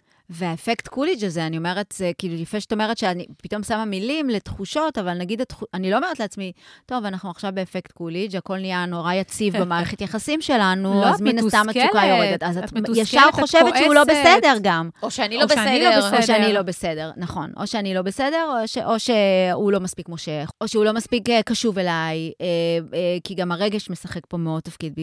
אחר כך נגיע לטיפים, כאילו, איך משמרים? הרי, כן. הרי מכל מה שאמרתי עכשיו, זה פשוט לסגור את הבסטה. נכון, כן. זה כאילו ביי. להגיד, חבר'ה, בואו, זה לא עובד. אין זוגיות בעולם, בשביל מה זה טוב? מה שהחזיק. את המונוגמיה זה הדת בעצם. זה הופץ דרך, עם הרומאים דרך הנצרות בשביל להרחיב את האימפריה. הפוליגמיה לא הייתה טובה לאימפריה. גבר במשפחה פוליגמית, עד היום רואים את זה בערב ובאפריקה, הוא נאמן לחמולה, לשבט. זה הנאמנות הטבעית שלנו, היא לבני משפחה. וברגע ששוברים את זה וסוגרים את הגבר עם אישה משכנתה ושלושה ילדים, אין שום בעיות, והאימפריה, כמו שאנחנו יודעים, התרחבה. ומהרגע שהדת איבדה את המשמעות שלה בחיים של אנשים יותר ויותר, ממש רואים, זה שני גרפים מקבילים. ה- הירידה בערך של הדת במשמעות שלה, בהכתבה של החיים שלנו, אה, גם אם עדיין יש לנו אהבה למסורת והכול, אבל זה לא מכתיב את החיים שלנו כן. כמו פעם. רואים עלייה באחוזי הגירושים. כאילו, מה שיחזיק את זה, זה מה שיחזיק את זה. כן, כי פעם זה לא היה מקובל, וזה היה אסור. אסור אפילו, פתאום... אלוהים אה, יעניש אותנו, נכון. והחברה תעניש אותנו, הקהילה תעניש אותנו, כי זה בעצם הכל היה מבוסס על הדת. זה היה מוסד שהחזיק את, ה, את המונוגמיה. עכשיו, כן. אז אני אומרת, מהרגע שאין יותר תכתיבים חברתיים, כל אחד יכול לקום בבוקר, לעשות מה שבא לו, לחיות איך שבא לו, אז אני אומרת, הביולוגיה חוזרת בגדול. הטבע האנושי חוזר, והטבע האנושי שאנחנו מסתכלים עליו, הוא בוודאי בעידן של שפע, שפע של משאבים, שפע של פיתויים, הוא לא בנוי להחזיק, אה, בטח לא 90 שנה עם בן אדם אחד, שזה תוחלת החיים שרק הולכת ועולה. אין, אין, אין, זה לא... זה לא, זה לא, כרגע לא, אלא אם כן נכוות את המוח אחרת ויהיה איזושהי אפשרות אלקטרודה, על ה, כי- יש יצורים שאין להם אפקט קוליג'. המונוגמים הגנטיים שהם מאוד מאוד מעטים, שהזכר והנקבה נכנסים לדיכאון כשהם לא ביחד. פינגווינים, לא? אה, פינגווינים הם סדרתיים, הם אה, אחרי עונת רבייה, הם אה, מחפשים מהצד. וגם בוגדים. הבנתי, אה, יפה, זהו, כי אני מכירה המון זוגות שמתפארים בזה שהם פינגווינים, כי לא פינגווינים, אה, מת- they made for life אומרים, אבל אוקיי, מסתבר שלא. אני חושבת שיש מין אחד שהוא מת for life, הרוב, אה, רוב המונוגמים שאנחנו מכירים, הם לא, הם סדרתיים, הם לא כל החיים. את יודעת מה שמעתי? אני לא יודעת אם זה נכון מה שאני אומרת. אולי תדעי להגיד לי ברמה הביולוגית. אבל הרי כל הזמן התאים שלנו מתחלפים בגוף וכל הזמן משתנים. ושמעתי איפשהו שלוקח שבע שנים, עד שמה שנקרא, כאילו, אם ניקח נקודת התחלה ונקודת סוף של שבע שנים, מה שנקרא, בטווח הזה כבר אנחנו בן אדם אחר לחלוטין, נכון. אין שום דבר שכבר נשאר אותו דבר. ואז מישהו אמר... רק אה, העיניים. העיניים איתנו מההתחלה. העיניים נשארות. כן. מעניין. כן. שזה הראי לנשמה גם. העיניים מההתחלה. מהתינוק, אותו, אותם עיניים. אותם עיניים. אז, אז כאילו, אז הם אמרו שכאילו, בתוך מערכת יחסים זוגית, כל שבע שנים, מן הסתם, אתה בן אדם אחר, וצריך להחליט, אם האם אתה מתאים. מתחתן מחדש עם הבן אדם הזה שאתה נמצא איתו, כן. או לא, או עובר לבן אדם אחר בעצם. כן, נקודות יציאה. זה, זה לא פשוט, כי עוד פעם, ככל שמכירים בן אדם, אז שוב, יש לנו את האפקט הזה, זאת אומרת, אז, אז מה... אה, אז נגיד אני אוהבת את התכונות שלו והכול, אבל אולי במיניות זה לא מה שהיה התשוקה שהייתה. אז אה, קודם כל, ההבנה שזאת המציאות. זה לא שאפשר לשנות את זה. אומרת, זה לא שמשהו בי לא בסדר. קצת מוריד מהסטרס. כל היצורים, וזה מוריד, כן, זה לא, אין תסכול, אין אשמה, אין בושה. זה חלק מהביולוגיה, זה ביולוגיה. ככה זה אוקיי. עובד, ככה זה עובד. ככל שהקשר יהיה יציב יותר, עלולה להופיע... עכשיו, עכשיו השאלה, בוא נחקור. רגע, בא לי שתמשיכי את המשפט. ככל שהקשר יציב יותר, עלולה להופיע ירידה בחשק במשיכה המיני? המינית, כן, ירידה בחשק. איזה, עצ... זה עצוב. וואי, בא לי לבכות. כי בעצם, באמת. מתי יש לנו ביטחון ויציבות? במשפחה. במשפחה זה הדבר הכי לא מיני, נכון? אני לא חושבת אף פעם במובן הזה על אח שלי. וזה הקשר יציב, וזה קשר שאנשים מכירים אותי, אחי, ואימא שלי הביאה אותי לעולם, ואבא שלי דאג לי וטיפל בי. ואז פתאום אנחנו גם מייצרים קשר משפחתי בזוגיות. תהיה אבא שלי, תהיי אימא שלי, תדאגי לי, תאהבי אותי, תהיי איתי. ככל שאנחנו מקבלים את זה, והופכים למשפחה, מביאים ילדים, אז בכלל אנחנו משפחה. זה הגדרה של משפחה, כאילו, היינו משפחה, יצרנו עוד משפחה. משפחה היא לא מינית. היא לא מינית, היא צריכה לתפקד, היא צריכה לתת המון תמיכה. אה, אבל זה כאילו, זה מתנגש. זה שבר. זה כאילו, זה שבר ברמת הכאילו, אז, אז מה, אז איך בכלל אני מכניסה מיניות אז זהו, לתוך החיים בדיוק. הזוגיים שלי? ושזה מאוד מאוד חשוב. מאוד חשוב, כי אני חושבת שבפסיכולוגיה, בגלל שיש הרבה, הרבה, זאת אומרת, איך נדבר על מיניות בתוך חדר טיפולים. ו- אז שמנו את זה קצת בצד, זאת אומרת, יודעים שהם מדברים על זה וזה, שהמשיכה יורדת וזה, אבל מדברים יותר על החלקים הקוגניטיביים, של אה, איך הת- התקשורת, שהיא חשובה, תקשורת בין בני זוג היא מאוד חשובה, אבל בואו נדבר רגע על המוח המיני, על כן. הביולוגיה, ואיך, מה עושים עם הירידה בתשוקה הזאת, כי דווקא אם נגרום לבני זוג הזה לתקשר בצורה נהדרת, והם לא יריבו כל השבוע וכל החודש, המשיכה תרד עוד יותר, כאילו. אה, חד משמעית, זה בטח, זה... לא, זה לא, אני אני ובן זוג שלי, יש לנו תקשורת מצוינת, ואנחנו במקום מאוד טוב ברמת השיח. אני יכולה להעיד ולהגיד שאין לזה שום אפקט על המערכת אבל זה היחסים גם- המינית שלנו. זה גם קצת סותר דברים ששמענו בעבר, שכשיש לך תקשורת שהיא יותר טובה, שככל שהתקשורת שלך תהיה יותר טובה עם הבן זוג שלך, אז תוכלו ליצור מיניות יותר טובה. אני חושבת שאולי זה... זהו, זה גם וגם, זאת אומרת, כאילו- בוא נדבר על הריב, כי, אחד הטיפים שלי לתשוקה זה מריבות. זה. מעולה. זה טוב, זה מעולה. זה מצחיק, פאולה וליאון למשל, יש להם הרצאה שנקראת לא נפסיק לריב. כן, זה, זה מאוד, כי מה קורה במריבה? מריבה בעצם, ומריבה היא, היא דווקא מקום שמעיד על תקשורת טובה. מהמם. כי, כי זה אומר שאיזה מרחב שאני יכולה עכשיו להתעצבן על הבן זוג שלי ולצעוק. להרגיש בנוח. להרגיש בנוח, ולא לשמור את זה בבטן. כי אם אני אשמור את זה בבטן, יהפוך לזעם, לנקמה, לטינה, ואני לא יכולה להסתכל עליו אחרי עשר שנים ששמרתי בבטן, כי לא יכולתי להגיד לו, די כבר להתייחס אליי ככה, או די כבר לעשות את זה. ונריב, ונעשה משא ומתן. מה זה מריבה? זה משא ומתן. את חושבת ככה, לא, אני חושב ככה, צריך להיות ככה, לא, אז...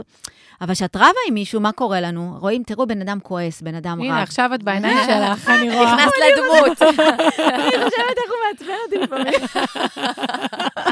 אוטומטית זה בא לנו, זהו, לא צריך להתאמץ. כן, הוא, יש, לו- הוא לוחץ על נקודות, יודע כבר את כן. הנקודות.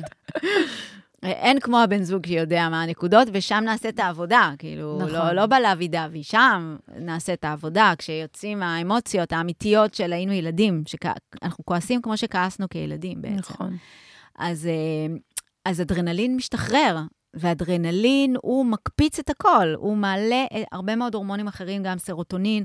זאת אומרת, בטבע שלנו אנחנו גם אוהבים לריב, אפילו רואים את זה בשימפנזים, שככל שהם רבים יותר, אלה שרבים, אלה שלא מדברים והכול אומרים היי, היי, היי, אין ביניהם שום דבר, גם לא ליטופים, גם לא חיבוקים, שום דבר. אלה שרבים ומתפייסים, ורבים ומתפייסים, זה bonding מטורף. כן. אה, וזה גם גורם להפרשת האדרנלין הזאת. ואז יש את הפיוס, ואז יש את ה- בעצם שחרור של כעסים, כי מה קורה לפעמים בפיוס? תנו לבן, לבן זוג שלכם לבכות. הכי טוב זה לבכות. זה אומר שרוב המריבות הן לא על הנושא, הן לא על השטיח או על הכלים בכיור או על הילד, הן לא. הן אתה על רואה אותי או לא רואה אותי? כזה. על סטרס שקיים בי, שאני מצפה באמת שתראה אותי, שבדרך כלל זה אנשים בעבודה שמעצבנים אותי, שהקריירה שרציתי היא לא מה שקורה. אלף דברים, יש לנו כל כך הרבה גורמי סטרס. אה, אימא שלי היא לא מזמן חולה. וזה ו- יוצא על השטיח. זהו, המנגנון האוטומטי שלנו זה להעביר את האולקוס למישהו אחר. להוציא את העצבים זה מרגיע. קורטיזול יורד, כשאיך שמישהו נתן לנו מכה, החיים גם נותנים לנו כל הזמן מכות, אנחנו נותנים את המכה למישהו אחר. זה מרגיע. ואחד מהחוזה של, של זוגיות זה, אתה תרביץ לי כשרע לך, ואני ארביץ קצת לך. ואני אספוג ואתה תספוג, ונאזן. אחד את השני. שק החבטות. עכשיו, זה לא אומר להיות שק החבטות של מישהו כל החיים, זה צריך להיות מאוזן. כן. אבל זה חלק מהחוזה ויסות. כי החיים האלה הם מלאים בגורמי סטרס, ואתה תעזור לי לווסת את עצמי. לעזור לי לווסת את עצמי, זה רוב הזמן לא יהיה, בוא, בואי, מה קרה היום? בואי ספרי לי. בואי ספרי לי, בוא נשב. זה לא הפסיכ... הוא לא יהיה הפסיכולוג שלי, ואת לא תהיה הפסיכולוגית שלו, זה יצא בכסאחים. בכסאחים שהם בדרך כלל על משהו אחר לגמרי, שהילדים עצבנו אותי בבוקר, או בעבודה מישהי אמרה לי משהו, מה זה לא במקום, אני אפילו לא מבינה שזה עדיין מנהל אותי. אני יודעת באותו זה רגע. זה כמו סיר שמבעבע, מבעבע, מבעבע, מבעבע, כן. ואז כאילו... ואז הוא אמר מילה לא במקום, פוף. בום. הוא יקבל את כל מה שהיה היום לפרצוף. הוא גם מביא את השק שלו. עכשיו, ואת לא עם השק שלך, ואת בכלל מוציאה את זה על משהו שהוא בסוף אפילו אולי לא אשם בכלל, או את לא אשמה, לא משנה, אף אחד לא אשם. אבל יצא פה אדרנלין. יצא אדרנלין, כי גם אופני התקשורת שלנו הם די אלימים, הם לא, הם לא בנויים להידברות. הם אבל גם כשיש... התנצחות, והאשמה, ותקיפה, ומגננה, ואני אזכיר לך מתי את עשית את זה, ואתה תזכיר לי, ואז זה מתגלגל קצת, מעגל איבה. ואז הריב הלא נכון, בעצם הריב שבאמת עלול לגרום לבני הזוג לאט-לאט להתרחק רגשית, וזה יפגע מאוד במיניות שלהם, זה לא ריב טוב למיניות. זה מריבות שבסופם יש ממש דלדלות רגשית, אין פיוס, יש טיפולי שתיקה. בואו לא מדברים עכשיו, יש המון passive-aggressive, תישן על הספה. זה ריב, ריב שאין בו תוך שעה וחצי פיוס, שעתיים, בסדר? אשכרה ריב שאין בו תוך שעה וחצי פיוס, זה ריב זה לא טוב? זה ריב שיתחיל לייצר יותר מדי קורטיזול. אנחנו רוצים בסטרס, מופרשים, בכעס, בסטרס, בלחץ, מופרשים שני הורמונים, קורטיזול ואדרנלין. קורטיזול הוא הורמון הסטרס, הוא גם צורב יותר במוח את האירוע עכשיו כמשהו שיכאב לי בפעם הבאה. אדרנלין מופרש גם בלונה פארק, בסרט אימה, זה כיף. שרואים עכשיו משהו, שעושים משהו שהוא ככה מעלה אדרנלין, אני, אני לא בפחד, אני אלך עוד פעם ללונה פארק, זה היה כיף. איפה המקום של האדרנלין הכיפי עם הקורטיזול שכבר יוצר, זו הייתה מריבה רעה, זו הייתה מריבה נוראית. הוא אמר לי מילים קשות. אבל אני יכולה לשלוט בזה? אז זהו, אז יש מידה מסוימת של מילים שאפשר להגיד. אם אנחנו רואים שיוצא לנו כל פעם דברים מאוד פוגעניים, זה אומר שמשהו שם, יש שכבה מתחת. שאולי יש חוסר הערכה, ואולי כבר אנחנו אמורים, רוצים להיפרד, ואף אחד לא רוצה להיות הראשון שעושה את זה. כאילו, משהו שם לא עובד, וזה לא, לא מריבות אוהבים בעצם, של אני אוציא עליך את העצבים, אתה תוציא עליי את העצבים, ויאללה, בוא נעשה אהבה, או אפילו רק... שוב, אנשים שונים מגיבים אחרת, יש כאלה שצריכים קצת זמן רגע להירגע מהסיפור הזה, אבל בגדול, המריבה יוצרת מצב של חוסר ודאות, היא מכניסה קצת חוסר ודאות. קצת מוציאה אותנו מהמקום הרגוע. בטוח והמובן מאליו. בוא, אני אכין לך קפה, אני אכין לך קפה, אולי נלך בסוף שבוע לפה, אולי נלך... הכל כזה על מי מנוחות. אבל גם מהמריבות אנחנו נמנעים.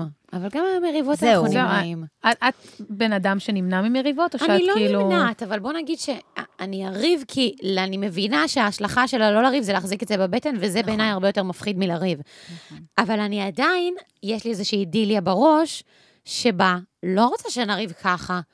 כאילו, לא רוצה, לא רוצה את זה, סבבה, ויכוח פה, ויכוח שם, אי הסכמה פה, טטטטה.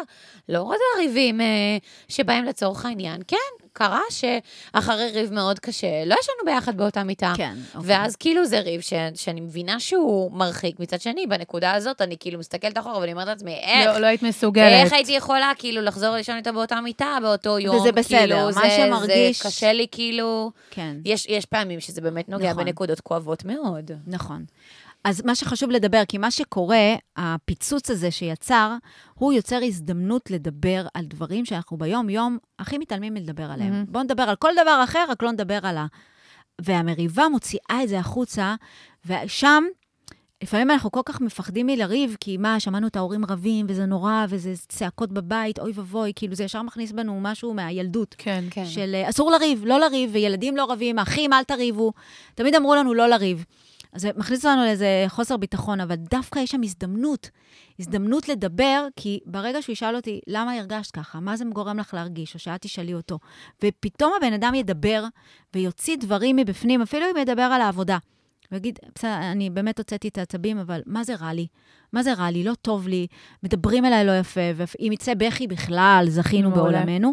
כי הבן אדם שיצא מולו כל כך הרבה רגש, הופך להיות, זה מעלה את המערכת יחסים לעוד לבל.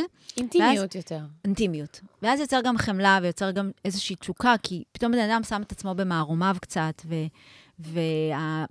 הסיפור שלנו, כאילו, זה שאנחנו משתפים בסיפור האמיתי, הפנימי.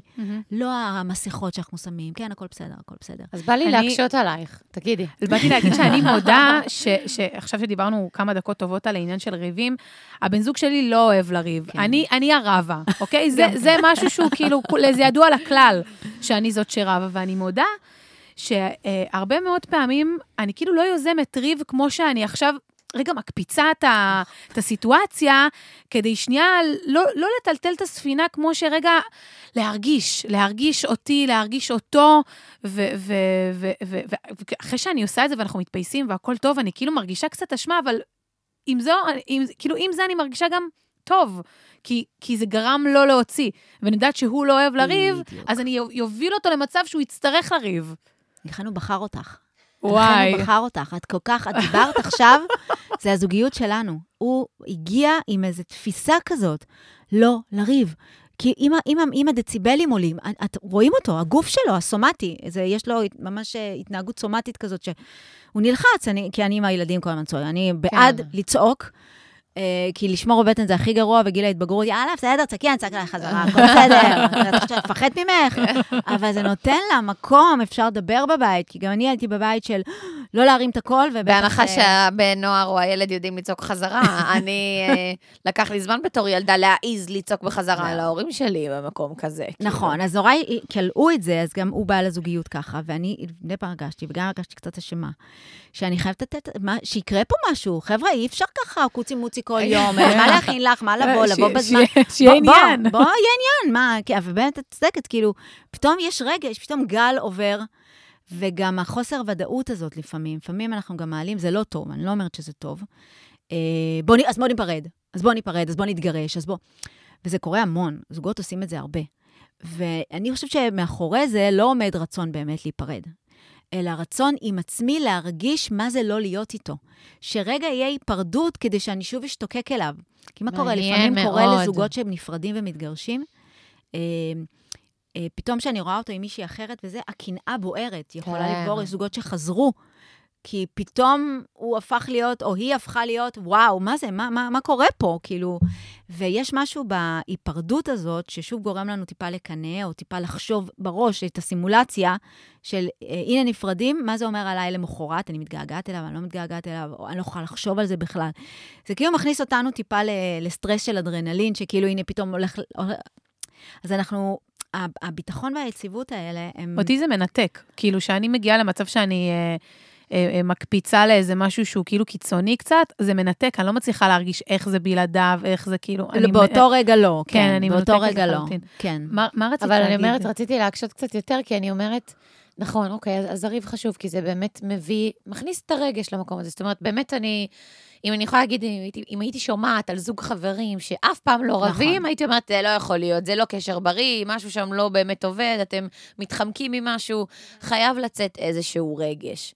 ועדיין, אם אני לוקחת את זה חזרה רגע לתשוקה או למיניות, שזה כאילו מבחינתי התחושות האלה, אה, בין אם ברמה הפיזית ובין אם ברמה הרגשית, הכי חמקמקות, כאילו, גם כשאני רבה עם הבן זוג שלי, זה לא שזה מעורר לי את החשק המיני. אחרי, אחרי מערכת יחסים אנחנו שמונה שנים ביחד, אה, ודווקא לנו כן הייתה פרידה אה, וחזרה, כמו שאת אומרת, קצת על הזוג הזה שכאילו רגע נפרד, הולך לדרכים נפרדות, ואז אומר, רגע, רגע, רגע, הייתה לנו את ההיפרדות, אני כן. רוצה אותו.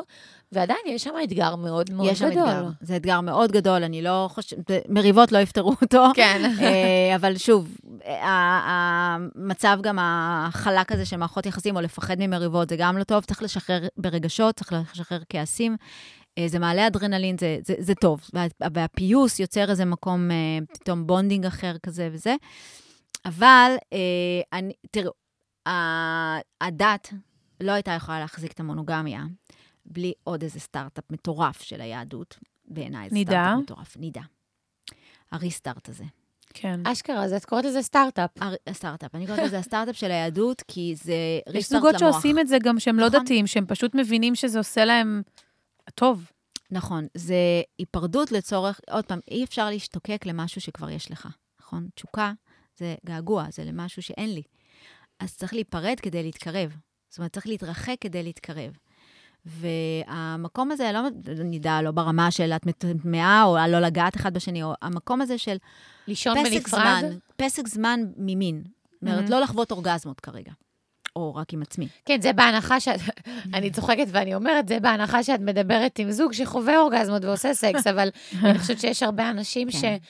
את יודעת, אם אנחנו רגע מסתכלים על הנידה רק כסקס, למרות שזה יכול להיות גם הרבה דברים מסביב, אבל אני אומרת, יש הרבה זוגות שאני מכירה, שגם באופן טבעי, במהלך חודש יכולים לא לקיים, אם לא יותר, לא לקיים שום יחסי בתחילת מין. הקשר, לא בתחילת הקשר, לא אבל בוא בתחילת נגיד שאחרי כן. שנה, זה גם יכול לקרות. גם יכול לקרות, כן. בטח. כן. ואז מה? אז אני עושה נידה על נידה שכבר קיימת, דיפלוט. לא, זהו, זה מצב אחר, זהו, אז אני מידה אומרת... של חודשיים, זה כאילו, כאילו זה גם יוצא קונספט. מנקודת הנחה שגם כן. ככה כבר יש שם איזושהי מערכת יחסים מינית בריאה, ואני חושבת שבאופן טבעי, עם כל העבודה והשחיקה שלנו, ו- ו- והציפייה של זה לא כמו פעם בתחילת הקשר, כן. ואז כן. אנחנו יכולים למצוא את עצמנו בחודשים, אף אחד לא אומר את זה, אבל בחודשים, כן, ברצף של חודשים שבהם זוג נמצא ביחד ולא מקיים יחסי מין, ואז מה? ואז מה, אני יודעת, תעזור לי, רק תרחיק אותי עוד יותר. כן, אז אני דיברתי על במצב הזה של, אה, זאת אומרת, לא לחוות אורגזמות כל יומיים, או זאת אומרת, לתת, בייחוד גם במצב, במ- במחזור החודשי, במעגלים של המחזור החודשי, אז כאילו נותן לאישה איזה מקום, טוב, ובאמת אנחנו יודעים שיש פחות חשק בתקופה הזאת, אז כאילו עכשיו אני צריכה להרגיש אשמה, או אני צריכה להרגיש שאני צריכה לרצות אותו, אל תיגע בי ועזוב אותי, וכאילו יש פה איזה מקום של... אני צריכה רגע לנוח, ושוב, שהגל הזה של החשק המיני יחזור. כן. ולא, כי לעשות כשאת לא רוצה, זה, זה שם זה אותנו... בדיוק הלא הזה, זה בדיוק הצריבה הזאת שאני לא רוצה לחזור אליה אחר כך. כשלוקחים ממני משהו שאני לא רציתי לתת, זה, זה לא יוצר אה, אה, רצון שוב בפעם הבאה. זאת אומרת, אה, הכריחו אותי כרגע, או גם זה לא כמובן פיזית וזה, אבל אני הכרחתי את עצמי בראש, כי צריך לרצות. אה, ואז אה, מין הופך להיות משהו שהוא מטלה, שהוא משהו שעוד מישהו לוקח ממני עוד משהו, עוד אה, מישהו שצריך ממני משהו, ותעזבו אותי בשקט, מהי מה שאני צריכה. אה, אז כן, לנו, נשים, יש המון אישוז סביב מין. אה, אז לגבי זוגות ש... אה, זה מתקשים. יורד בצורה משמעותית, צריך קודם כל להבין מה קרה שם, מה קורה שם. אה, כי אני אומרת, עזבי, לא מדברת על חדירות או דברים כאלה, אני מדברת אפילו על, הצ... על הצורך במגע. הוא, הוא מאוד חשוב, כ... כריטואל. כן. כריטואל, גם אם אין מין או בתוך זה, יש מסאז' עם קרמים. ו... זאת אומרת, יש משהו שהגוף שלנו זקוק למגע. זקוק להרגעה, זקוק אה, בטבע זה ליקוקים, האמא כל הזמן מלקקת את הגורים. ה- העור שלנו, הגוף שלנו צריך מגע, אה, בשביל, בש, ממש בשביל להוריד סטרס. זאת אומרת, כ, כמנגנון הרגעה, זה עצב הווגוס, ליטופים בגב, מסאז'ים, אה, פשוט... אה, אז אני אומרת, גם זוג ש... זה בסדר גם שהדחף יורד. אני בכלל לא מת, מתרגשת ממצב שחודש לא שכבנו, חודשיים או משהו, דברים כאלה. הכל בסדר. החיים הם מלאים בגלים מסוימים. אבל צריך לשים לב, זאת אומרת, אם המקור של זה הוא באמת אה, אה, איזשהו, אה, אה, הלב נסגר, זאת אומרת, הוא עשה משהו ועשה עוד משהו, היא עשתה משהו, והם כבר, תקשורת לא טובה, ובאמת יש שם... אה, מפחדים להיפתח שם. כן, אז, אז, אז גם זה, זאת אומרת, יש כעס. זאת אומרת, מתחת כן. לפני השטח, כעס שלא מדובר, כעס שלא, אה, אה, אין מריבות דווקא יכול להיות, אלא כעס שהוא מתחת לפני השטח, ואז אין רצון, אין רצון במגע. כן. אה, או, חי, או איזשהו משבר חיים כרגע שאנחנו עוברים, ואז זה הדבר האחרון זה שבא לי. משליך, כן. כן. זה הדבר האחרון שבא לי כרגע, וזה בסדר גמור. אה, אבל אני אומרת, בשביל להשאיר את זה בוער, את הגחלת, כי, כי אפשר להתרגל גם לחיות בלי מין, זה גם קורה. נכון, שזה עצוב, ולא, ואתה יודע, זה מה שכאילו לא בא לי שיקרה, לצורך העניין, אבל כשאתה מתמודד עם הקושי, ועם כל הדברים האחרים שמציפים אותנו גם ככה ביום-יום, זה הדבר הראשון שקל לוותר. עליו. נכון. נכון, נכון, והמספרים בישראל, אני לא יודעת לחלוקה לגילאים, אבל הנתון ששמעתי הוא, זה נקרא נישואי רעים. אה, נישואים שכבר אין בהם מין. נישואי רעים מלשון חבר, כן, כאילו. כן. יש, אשכרה. יש bonding, יש קשר, יש אהבה, יש זה, אבל הם בהסכמה, זה לא שזה קורה פעם ב. בהסכמה זה לא, כבר לא חלק מהחיים המשותפים. אני מכירה כל כך הרבה זוגות כאלה. די, איך את מכירה את לא, הצעירות? כאילו, אני, אה. מה זה, אני לא מכ... אני מכירה אישית, מה זאת אומרת? אני מסתכלת על כאילו אנשים מבוגרים, אני לא באמת אה, יודעת כן, מה החיי נכון, מין שלהם, אבל כן. מסתכלת על זה, ואני אומרת, אה, רואים שבן אדם, כאילו, דבר. רואים שהם, ש, שהם פשוט חברים מאוד טובים ואין... אה, אין משהו מעבר לזה, כאילו. כן. האם הם באמת, ברמת המילולי, ישבו אחד עם השני, ואמרו, והגיעו להסכמה. לא חושבת. כן. אבל אני חושבת שזה מסוג, כאילו, השיחות ה... מתחת לפני השטח של הסוד. זה פשוט קרה. איכשהו. זה אף פשוט אחד כבר קרה. לא יוזם, וזה בדיוק. פשוט קרה. זה פשוט זה קרה. 20 אחוז. זה המון. 20 אחוז ממערכות היחסים. כן. וואו. בקרב נשואים, זה נעשה על נשואים, אנשים שהם בזוגיות. 20 אחוז זה המון, של. נישואי רעים. ואני חושבת שזה נושאים שבאמת לא מדברים עליהם. אה, על נושא של, אה, כי זה אה, מבייש.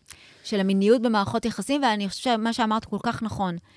זה יורד בסדרי העדיפויות, וגם המחקרים על זוגות שביחד הרבה שנים, ובוודאי כשמגיעים ילדים, כל ילד שנולד מוריד את המין בסדרי העדיפויות עוד קומה למטה. אבולוציונית זה הגיוני, כי מה בקומה, בקומות העליונות? הילדים, ועוד ילד שנולד עולה עוד קומה, ועוד ילד עוד קומה. והיום וזה- אנחנו מקדישים גם הרבה יותר חשיבות לקידום העצמי שלי ולהישגים שלי, ונשים בכלל רוצות להיות וחברות מצליחות, גם. ונכון, ואז מעגל כאילו, חברתי. באיכשהו, באמת, ואני בעצמי, כן. זה הדבר הראשון שקל להגיד, טוב, לא נורא, על זה נוותר, בסדר, עוד שבוע עבר, לא קרה שום דבר, כאילו. עשיתי הרבה דברים אחרים שהיה לי חשוב לעשות. ובשביל המשפחה, הדבר שצריך לקרות, זה כל פעם להעלות את זה, לרוס את זה. זהו, אז. התחלת להגיד מקודם על השמירה של. הגחלת. כי הדבר הכי טוב לילדים, בכלל, כמשפחה וגם לזוגיות לאורך זמן, זה, זה תשוקה מינית, זה אינטימיות, כי, כי זה לא שהמיניות שלנו תיעלם, היא פשוט תידלק למישהו אחר. כן. היא. לא תיעלם, אנחנו לא יצורים לא מיניים, אנחנו יצור הכי מיני על כדור הארץ. אנחנו עושים אהבה לא לצורך רבייה, לצורך יחס, יחסים חברתיים ולצורך הרגעה. אנחנו גם עושים עם עצמנו, וזה אחד נכון. הדברים הכי טובים. אז בגלל זה באמת, אני חושבת שלצאת למחקר long life learning של המיניות שלנו, זה בעיניי מה שצריך לעשות מהיום שנכנסנו לזוגיות. כן. כי היום הזה שנכנסנו ליציבות הבטוחה, היום הזה שאת נתת לו את התחושה שאת שלו, לתמיד, והוא נתן לך את התחושה, כי בהתחלה יש את ה... אני לא בטוחה, ואולי... כן. כן. אז זה, זה מעורר אדרנלין, זה אז רוצים המון לשכב, כדי לוודא שהוא שלי, ולוודא שהיא שלי, שתרצה רק אותי, כי באורגזמה אנחנו גם מפרשים המון חומרים שגורמים לנו להתאהב. אבל once זה יציב, once זה בטוח, once זה זה, אנ- כאן מתחילה, בעצם מתחילה העבודה שלנו. צריכה כן. להתחיל העבודה שלנו על שימור הגחלת הזאת. אמ, שזה בעצם להתעסק בזה, כלומר, בדיוק. להבין שזה, שזה משהו שחייבים... אה, לשים לק- בתוך סדר העדיפויות. כן, לקיים ו- ו- ו- ופשוט, כמו שאתה הולך לעבודה, אז וכמו שהולכים לסדנאות של מיינדפולנס, או של אה, שיפור עצמי, או של להיות אה, יותר טובה בעבודה, אז גם יותר טובה במיניות שלי, דווקא בגלל שאני בזוגיות בטוחה ויציבה עם בן אדם טוב, שהוא טוב אליי, ואני אוהבת אותו, ואני אוהב אותה, אני רוצה להמשיך להימשך אליו. אני יודעת שזה לא יהיה כמו בהתחלה. זה בחיים כן. לא יהיה, זה לא יכול להיות, מהמם. אלא אם כן ניפרד, ושוב נבוא. לא נכון. נעשה כל כך שבע וגם שנים. אז, בתור מישהי שנפרדה ושוב חזרה, זה לא אותו כן. דבר בדיוק כמו בהתחלה. כאילו. נכון. או שמהר מאוד זה חוזר לאותו מקום, או כל הרעיונות היום של נישואים פתוחים והכול, יש עם זה המון סכנות. יש עם זה המון המון המון סכנות, כן, כי בסוף. אי אפשר uh, להחליט, להגיד למוח, "אה, באורגזמה הזאת אל תתאהב, באורגזמה עם ההיא כן תתאהב, או עם הזאת, אנחנו לא יכולים לשלוט בזה, פתאום פוגשים בן אדם והוא מעיף לנו את המוח. זה מעלה מפחיד. סיכונים, זה מפחיד. כן. באמת, אני אומרת, זה, הקנאה היא לא, היא רגש מאוד חשוב ומאוד, הוא, הוא שומר על הזוגיות. התחושה הזאת שאני רואה אותו עם מישהי אחרת, וזה גורם לי, או יודעת על זה, שהוא מתכנן לבלות את הערב עם מישהי אחרת, ומשהו בוער בפנים, ואני לא יכולה להתרכז עכשיו בשום דבר, רגש אבולוציוני חשוב והגיוני, שגורם לנו לשמר את ה... אחרת זה, זה יכול להתפרק. אני לא, את יודעת, כל זוג שיעשה מה שבא לו, אבל אני אומרת, יש פה סיכון. אז מה כן? מה כן. הכי טוב? אז המחקר הזה של המיניות שלי, וש, והמיניות שלי עם עצמי, והמיניות שלי איתו, דרך ה- ה- העולם הטנטרה, למשל, מ- מרתק אותי היום, מרתק אותי, וואו. אה, כי הטנטרה מבינה גם את המוח הנשי והמוח הגברי, זה לא אותו מוח. אה, אנחנו צריכות להיות רגועות פה, כדי שהמיניות גוף, שער גוף שלנו יירגע. תיפתח. אצל גברים זה עובד טיפה אחרת, זאת אומרת, ברגע שיש עוררות מינית, בום, החלק הזה ככה משחרר, יאללה, כאילו, כן. הכל, הפוך. יש מטרה, בוא, יש פוקוס, אה, צריך להוציא זרע. זה, האורגזמה הגברית היא הוצאת, ה- היא הביוץ. כן, למרות שהיום כבר... טוב, זה נושא. בפני עצמו, אבל היום מדברים על זה שגם גבר יכול לחוות אורגזמה בלי בעצם, אה, בלי האקט של השפיכה בסופו של דבר. כן, בהחלט, אבל מבחינת האונה המצחית, מבחינת המשמעות של ההטרדות והדאגות והשיפוט העצמי, הרבה יותר אצל האישה. נכון. נשאר- שולט. אומרת, אם אני כרגע לא אוהבת את הגוף שלי, הסיכוי שלי להגיע למיניות המקסימלית שלי, הוא שואף לאפס. כן. אם אני חושבת שהייתי פעם יותר, יותר יפה, יותר מושכת, עם משהו שהציצי שלי יגד... זה, זה לא, זה, זה פשוט מיד מש, משליך על האנרגיה המינית שלי. היא נכבדת. אם יש לי טרדות, כן. אה, אם כן, מאוד קשה להגיע. ל, אה, ל, לאורגזמה, אם עכשיו חזרתי מיום עבודה, והראש שלי מוטרד ועסוק וכואב ו, ו, ודואג, וזה באמת הרבה יותר קשה להתנתק משם. והטנטרה מבינה את זה, ושם עושים עבודה בעצם של, אה, של, אה, של מין, לא עושים מאיברים, לא משפשופים של איברים, אלא מהמוח. ולכן צריך להגיע לרגיעה ולשחרור ולחיבור רגשי. זאת אומרת, ברגע שיש חיבור רגשי, ברגע שהבן זוג... אה, אה, וזה הרבה לפני האורגזמות והשפיכה והכול, כאילו זה רק הנושא של האינטימיות, המגע, ההרגעה והעונג העצמי גם. זה כן. מאוד מאוד מאוד חשוב, כי גם אם לא, אם כאילו ויתרנו על זה ביחד, לא לוותר לא- על לא זה על זה. אל מול. עצמנו. אחד הדברים הכי חשובים למוח זה אורגזמה. זה, זה ממש פיצוץ של uh, חומרים ופעילות והכול, וגם, ככל שאנחנו יותר מאפשרות לעצמנו לעשות את זה, uh, ההורמונים האלה שוב מעלים את הדחף. כי עוד פעם, אם אנחנו מפסיקים לעשות חשק. את זה, גם עם עצמנו בעצם, כן. אין הפרשה של uh, רמה מאוד גבוהה של אסטרוגן ודופמין והכול, אז בעצם הגוף מתרגל למצב של בלי לחוות אורגזמה. ואז אין את הדחף. זאת אומרת, כן. זה ביצה ותרנגולת, זה כמו שאני לא אוכלת כל היום, אז יור... באיזשהו שלב התיאבון נעלם. אבל אה, אם אני אוכלת בבוקר משהו, וכל הזמן יש רעב. מתדלקת את זה. האוכל מתדלק את הרעב. האורגזמה מתדלקת רצון לעוד אורגזמות, כן. של דחף. אז מעניין. כאילו, לא לוותר על זה עם עצמנו. אז אה, אה, אנחנו, קודם כל, אנחנו מדברות כבר מעל שעה, ואפשר להמשיך לדבר איתך עוד שעות. שעות. זה, אני חושבת שזה מרתק באמת, ואני רוצה ממש לסיכום ככה, כן. שאלה אחת שהיא ממשיכה ככה את הדבר האחרונה הזה, וזה ממש יסכם לנו את הפרק, נראה לי. אנחנו מבינות היום יותר ויותר כמה באמת חשוב לקחת אחריות על המקום הזה, לשים אותו בתוך סדר העדיפויות, וכמו שאת אומרת עכשיו, אפילו לחקור אותו, מה שנקרא, לאורך זמן. יתווסף לנו פרק לרשימה, אנחנו נעשה גם פרק על טנטרה, מן הסתם. כן. אמ, השאלה, אני חושבת, אולי אני, אולי אני אה, מכלילה כאן, אבל אני חושבת שאצל הרבה מאיתנו יש רגש אחד שמונע מאיתנו לעשות את הדבר הזה, והוא פחד.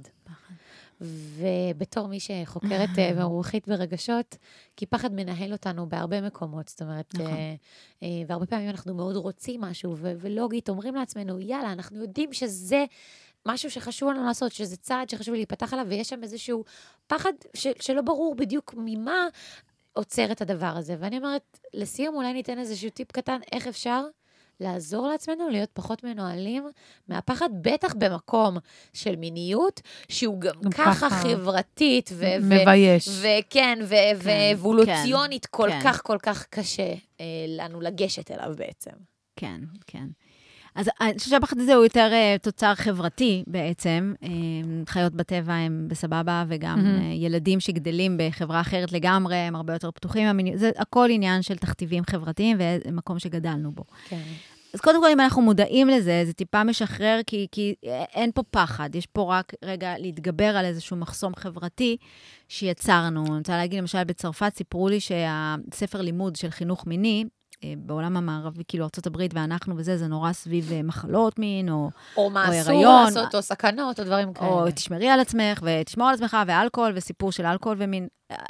שם יש להם ספר שהם נותנים לבני נוער, איך שזה, זה, זה הספר הלימוד של חינוך מיני הספר? בבית הספר. מדהים. How to make love. מדהים. איך לענג את עצמך ואיך לענג את בן הזוג שלך. בא לי את הספר הזה. עולם, וואי. אמרתי, אני צריכה להשיג אותו ולתרגם אותו. אני לא רואה אותו ניתן בבתי ספר כרגע, אבל הורה קונה לילד בכיף. איך לאהוב ולענג את עצמך ואת בן הזוג שלך. זאת אומרת, מה זאת אהבה? זאת אומרת, לא רק כמה דברים ששמנו על המין, זה אסור, זה לא טוב, זה בכלל לא לגעת בעצמנו, זה בכלל היה. אז אה, באמת אנחנו צריכים כאילו, בשביל לעשות את זה ולהיפתח ככה 100% לבן הזוג ולעצמנו קודם כל, אה, אז צריך להבין שזה זה פחות פחד, זה יותר תכתיבים חברתיים. זאת אומרת, אם הייתי נולדת בשנות ה-60 באיזה קומונה, כנראה שהדעות שלי היו שונות לגמרי. כן. זה גם המקום של ההתפתחות העצמית והביטחון העצמי, זה בדרך כלל מגיע עם הזמן, אבל אני אומרת, לקפוץ למים. כאילו, once עושים כן. את זה, שוב, במקום שמרגיש לנו בטוח, כמובן לא איזה סדנאות טנטרה עכשיו. שכולם פעולות קטנות. ממש לא. פעולות קטנות ברמה של אה, ספר, ברמה של ידע, ברמה של אה, קורס דיגיטלי, ברמה של אה, אני עם עצמי קודם כל חוקרת את הגוף שלי. אולי זה לבד, גם באמת, בשקט, אה, בחדר, ב, לא- עוד בלי בן זוג, בלי שום דבר, בלי אף אחד. אני עם עצמי, נוג- מתחילה לגעת בעצמי, מתחילה לעשות דברים עם עצמי, מתחילה להבין יותר לעומק אה, אה, מוח ומיניות. כן. זה הכי, מה הפחד פה? מה, זה, זה ממש, זה מסקרן. יש לך ברמה- טיפ? בא, הנה, אני רוצה, יאללה. עשית לי חשק, בא לי לחזור הביתה עכשיו ולחקור את הדבר הזה עם עצמי. מה, מה, מה הדבר הראשון שאני, או המקור הראשון שאני יכולה להגיד, יא, זה מקור שאני יכולה ללכת ללמוד ממנו. אז, אה, אז זהו, אז היום, אה, קודם כל הספר שלי אני מאוד מומלץ, זה באופן כללי על הביולוגיה שזה ועל קיצור ההורמונים. תולדות אהבה קיצור תולדות. אהבה, כן, נשאיר לינק אפילו, בטח. כאילו, בכיף. ו, אה, אז שם יש את, את, יותר את הידע וגם כמה טיפים, ויש קורסים דיגיטליים היום. אפשר לכתוב גם, נגיד, בפורטל של הטנטרה, אבל בכלל, מיניות האישה. אני מכירה מישהי אפילו שיש לי, אני רכשתי קורס שלה, אפרת וולפסון. מכירה אותה. איך להתחבר, שזה נהדר, כי זה מאפשר בזמן שלי, בפרטי, לא שיש עוד אנשים, אני רואה עם עצמי ורושמת לעצמי הערות. אה, עושה זה באמת של אה, מינורלי, ובאמת, כאילו, יש לנו כל כך הרבה אישוז עם זה. נכון. ושוב, חוויות שחווינו שלאו ד- לא תמיד היו הכי חיוביות. טובות וחיוביות, ונכנסו לנו כל מיני חסמים למוח במובן הזה, ו- ולבוא לזה במקום סקרן, מקום של פליאה, וואו, הגוף האנושי, המוח האנושי, הגוף שלי. נראה לי באמת אה, מילת המפתח זה להסתנקרן. סקרנות. סקרן. סקרנות, כן. סקרנות, כי באמת, אנחנו דור, אנחנו דור חדש, אנחנו דור שכאילו מנער מעליו, שובר את כל מה שהיה. ודי, עזבו אותנו מזה, עזבו אותנו מכל ה... אנחנו גם כאילו- דור שאוהב קיצור תהליכים. כאילו... קיצור תולדות אהבה וקיצור כן. תולדות ה... יאללה, עד שזה יגיע כבר. כן, למי יש כוח עכשיו? כאילו, טוב, רגע, אז נתחיל רגע לבד, ואז נלך לפה, טוב, אולי נראה קורס דיגיטלי של פעם. אבל את עושה את זה- אני אגיד לך משהו אחד, את עושה את זה בכל מקום אחר בחיים שלך. חד משמעית. ובמיניות את לא. משליכה את זה, אז אנחנו נכון, כן יודעים נכון. לעשות את זה, אנחנו כן יודעים לחקור, אנחנו כן יודעים ללמוד, אנחנו כן נכון. הולכים, עושים תואר עדיין היום, ואני יושבת ומדברת עם חברים שלי, ואני לפעמים אומרת לעצמי, למה לעזאזל עשינו תואר? ולא, כאילו, עדיין עושים את התואר, כי אנחנו מבינים את התהליך ואת החשיבות של הבנייה של הידע הזה. כן. אותו כנ"ל לעשות גם אה, ואנחנו גם במיניות. באמת יצור סקרן, אנחנו נכון. רוצים ללמוד, רוצים להבין, ואני מתחברת מה שאמרת, אמרת קודם בזוגיות שלך, שאת יותר המובילה לפעמים. כן. זה לא דבר, זה דבר נהדר, זאת אומרת, הרבה פעמים אנחנו נותנים יד לבן הזוג, ואת זאת שמובילה. דווקא אני חושבת שבמיניות זה ממש יהיה שינוי מרענן, כן. שלא הגבר צריך להביא, או הגבר, או להש- להשליך חלב, כאילו, אלא...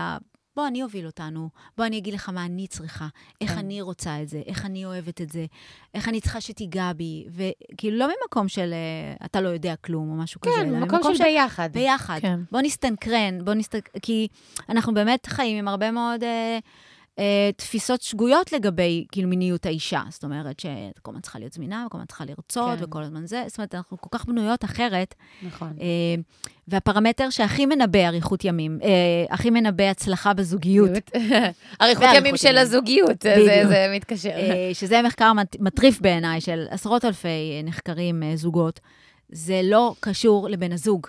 זה קשור אל המערכת היחסים זה שלנו עם שביעות עצמנו. הרצון שלי שלי מהחיים מהחיים שלי. שלי ורמת הסטרס. שני הגורמים הראשונים שמשפיעים על הצלחה בזוגיות, זה לא קשור לבן זוג, זה רק אליי. מעניין. כי כשלא טוב לי, הקורטיזול גורם לי לראות את הכל פי שלוש. וגם ככה הוא גורם לראות פי שלוש, אז זה כבר פי שש. אז הכל יותר חרא. אם זה חרא. מקום שאני גם מרגישה בו בנוח, אז בכלל אני מוציאה את הכל שם, ואז אני אומרת, זה בגלל ש...